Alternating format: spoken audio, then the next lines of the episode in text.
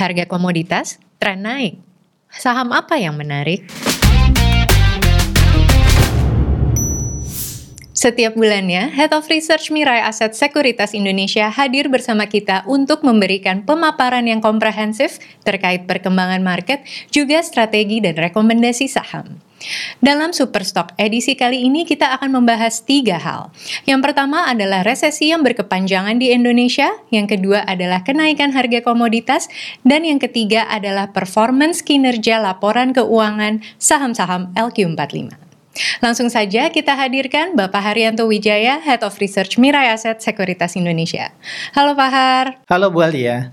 Ya, jadi gimana nih Pak? Bagaimana dengan perkembangan market yang ternyata memberikan angin segar untuk bursa di Amerika? S&P dan Dow Jones terus mencetak all-time high-nya. Ada apa nih gerangan di market Amerika sana?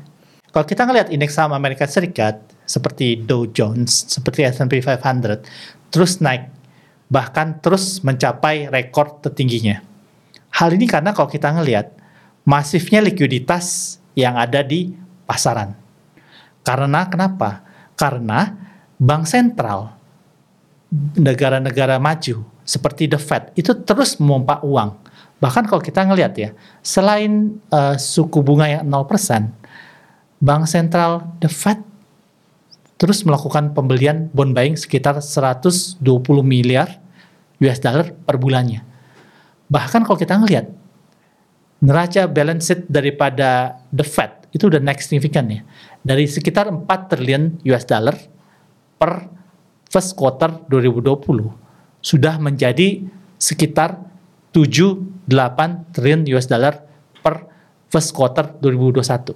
Jadi dalam setahun terakhir ini naik hampir 100% ya Pak ya?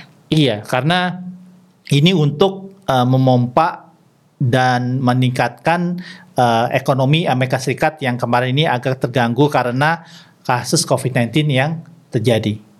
Jadi secara year to year nih ya Pak ya, ekonomi di Amerika ini sudah tumbuh positif walaupun masih dikit tipis-tipis. Begitu juga di China nih ya Pak. Ini naik luar biasa bahkan di China. Sebenarnya apa nih yang mendorong hal tersebut? Iya, kalau kita ngelihat ekonomi China bertumbuh sangat bagus di first quarter 2021 ini, sekitar 18,3 persen. Jadi kalau kita bandingkan dengan angka pertumbuhan ekonomi di fourth quarter 2020 yang sekitar 6,5 persen, angka 18,3 ini naik signifikan. Bahkan angka 18,3 persen year on year economic growth ini adalah ekspansi terkuat sejak tahun 1992. Ini angka yang luar biasa sekali ya Pak Har dalam hampir 30 tahun terakhir ya Pak ya? Iya, angka pertumbuhan ini yang bagus ini ditopang oleh beberapa faktor. Yang pertama adalah permintaan domestik negara China yang bagus. Juga permintaan dari global. Yang kedua adalah penanganan kasus COVID-19 di China yang cukup bagus ya. Kalau kita ngelihat kasus COVID-19 di China itu sangat rendah banget. Sehingga aktivitas ekonomi China relatively berjalan dengan lancar. Yang ketiga karena stimulus dari bank sentral dan stimulus fiskal dari pemerintah China. Ini semua mendukung pertumbuhan ekonomi China yang bagus di first quarter 2021 ini. Di tengah pandemi COVID yang terus berkepanjangan hingga setahun lebih ini, harga komoditas ini terus merangkak naik. Nah, apakah komoditi cycle ini akan kembali berjaya nih Pak Har? Ya menurut view kita uh, cycle daripada komoditas ini akan terus berlanjut karena kita melihat harga komoditas yang terus naik. Hal ini sebenarnya ditopang oleh beberapa faktor. Yang pertama adalah uh, kenaikan daripada supply mata uang US dollar dalam hal ini adalah M2 yang trennya naik.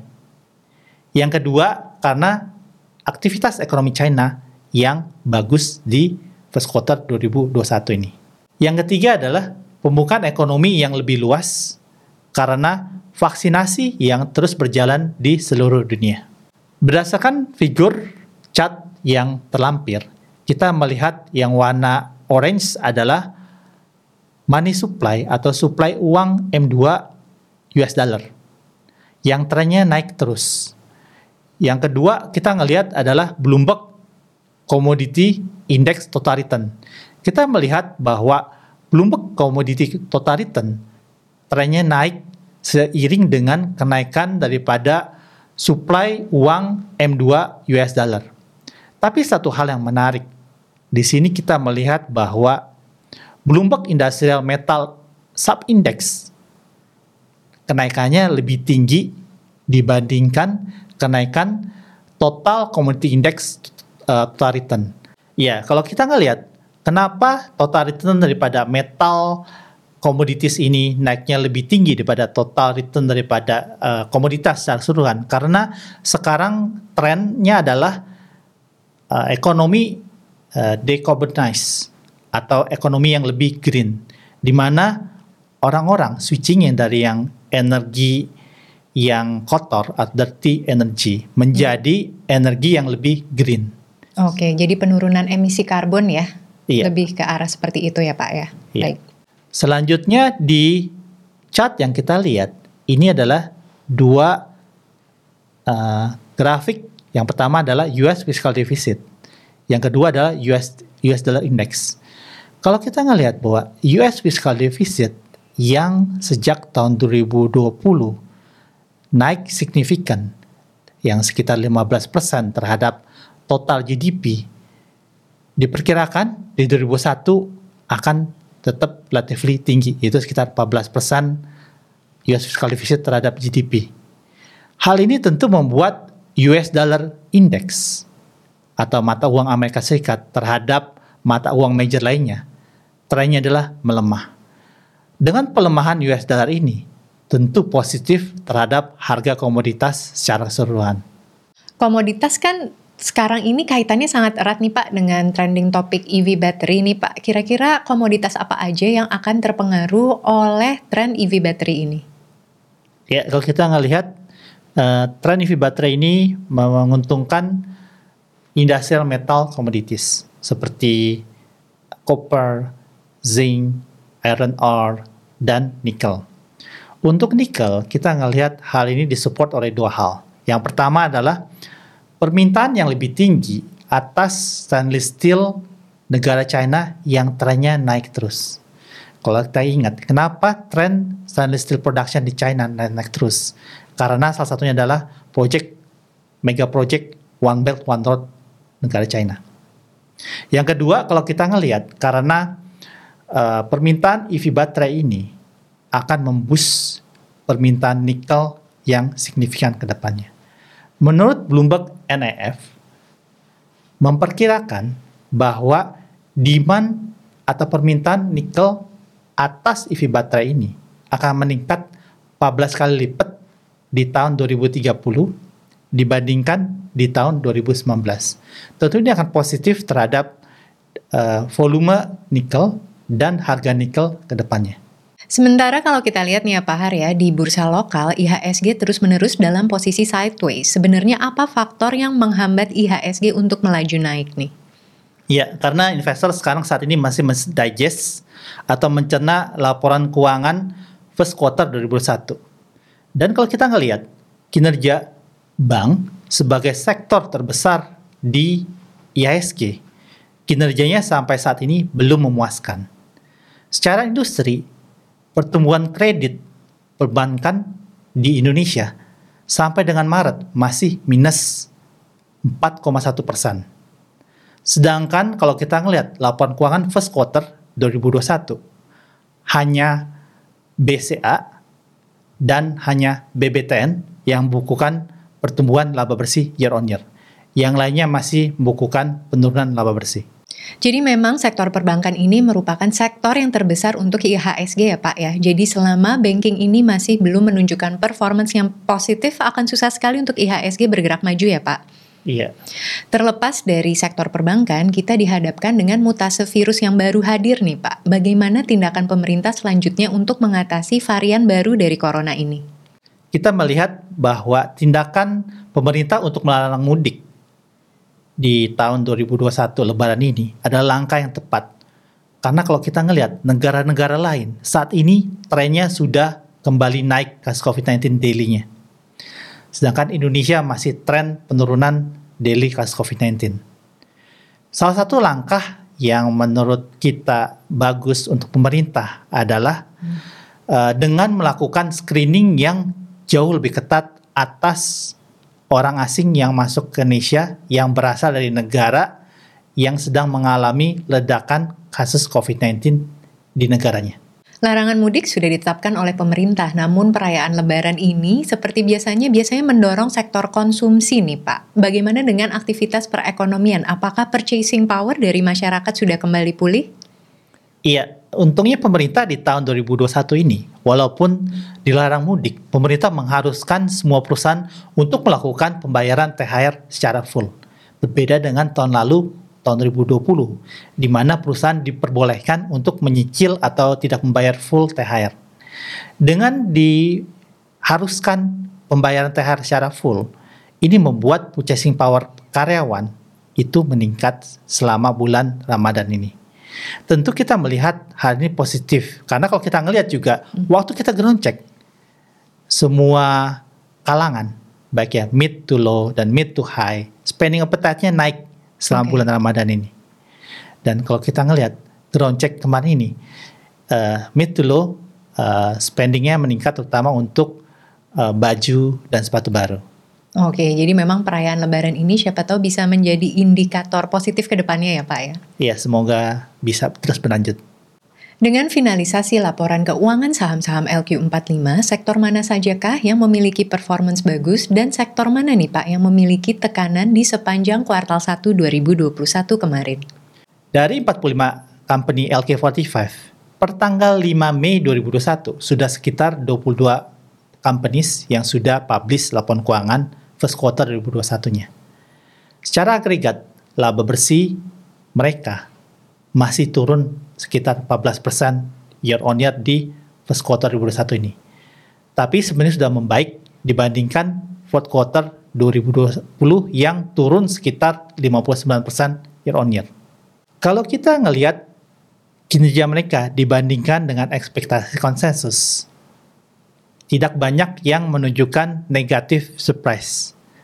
Karena sekitar 64% itu inline dengan ekspektasi konsensus yang below expectations relatively sangat dikit.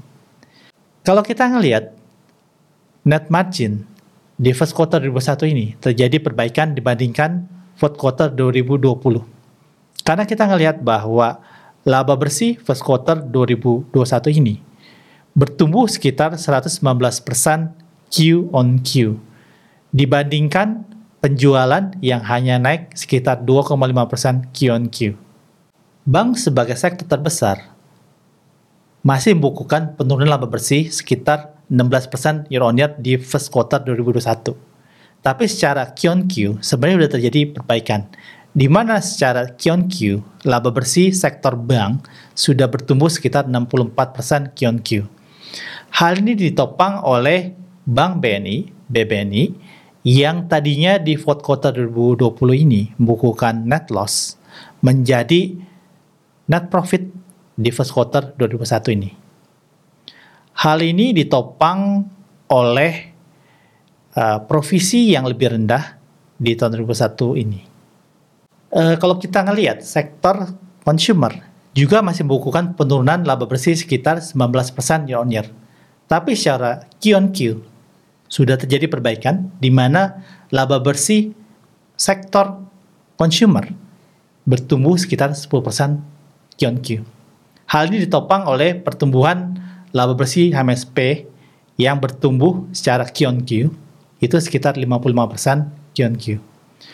Secara sektor, sektor consumer ini masih sejalan dengan perkiraan atau ekspektasi konsensus. Sektor basic industry bertumbuh sekitar 63% year on year, ditopang oleh saham Java yang bertumbuh kuat laba bersihnya karena harga DOC dan harga boiler yang tinggi.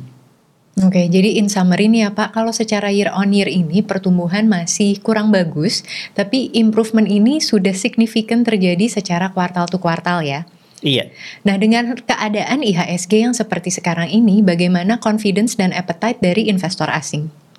Kalau kita ngelihat investor asing yang tadinya melakukan massive net sell di bulan Maret dan di bulan April, sekarang sudah mulai melakukan net buy atas saham-saham Indonesia. Oke, jadi mulai akumulasi lagi nih ya Pak ya? Iya, mulai terjadi akumulasi atas saham-saham Indonesia sejak Mei 2021 ini. Jadi yang menyebabkan foreign outflow yang terjadi di Maret dan April ini apa ya Pak Har?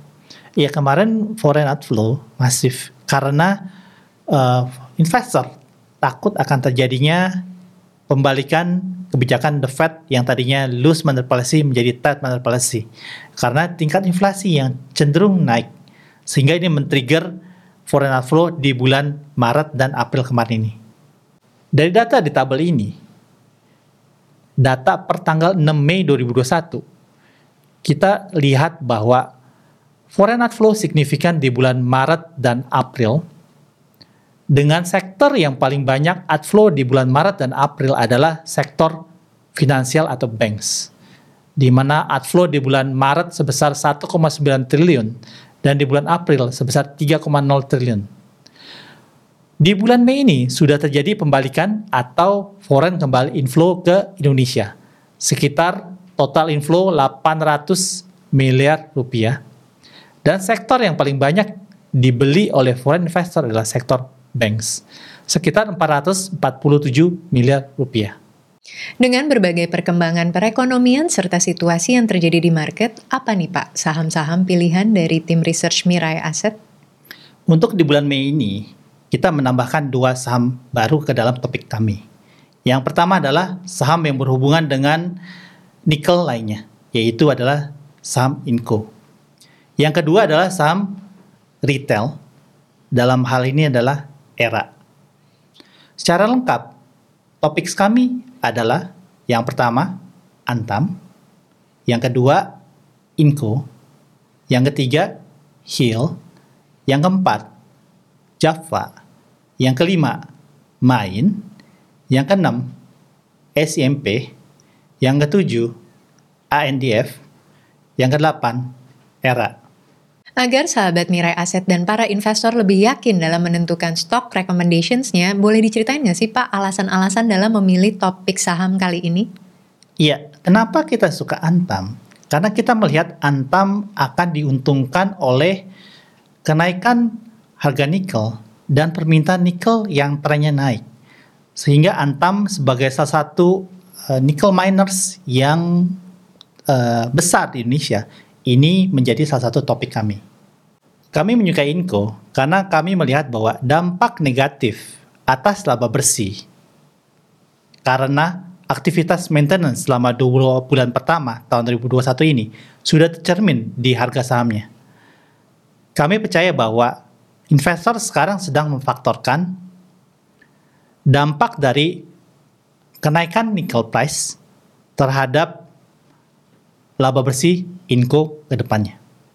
Kami menyukai Hill karena kami melihat bahwa adanya terjadinya potensi earnings upgrade atas earnings konsensus untuk tahun 2021 karena Hill adalah beneficiary dari kasus COVID-19 dan vaksinasi COVID-19 di Indonesia. Kami menyukai era karena kami melihat bahwa earnings era akan terus bertumbuh ke depannya karena era adalah counter yang diuntungkan dengan pelaksanaan implementasi IMEI yang menghilangkan black market smartphone di Indonesia. Dan kami melihat bahwa peluncuran produk baru yaitu Apple iPhone 12 dan Oppo Reno 5 ini akan jadi salah satu driver daripada earnings growth daripada era ke depannya.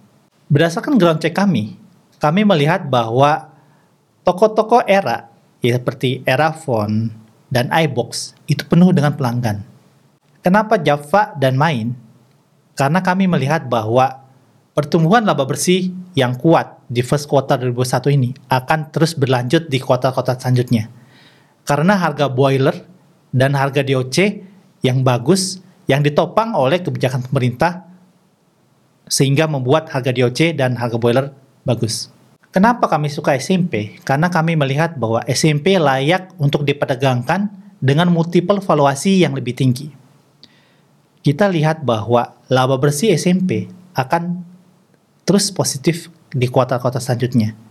Kalau kita ingat, SMP baru membukukan laba bersih positif sejak third quarter 2020.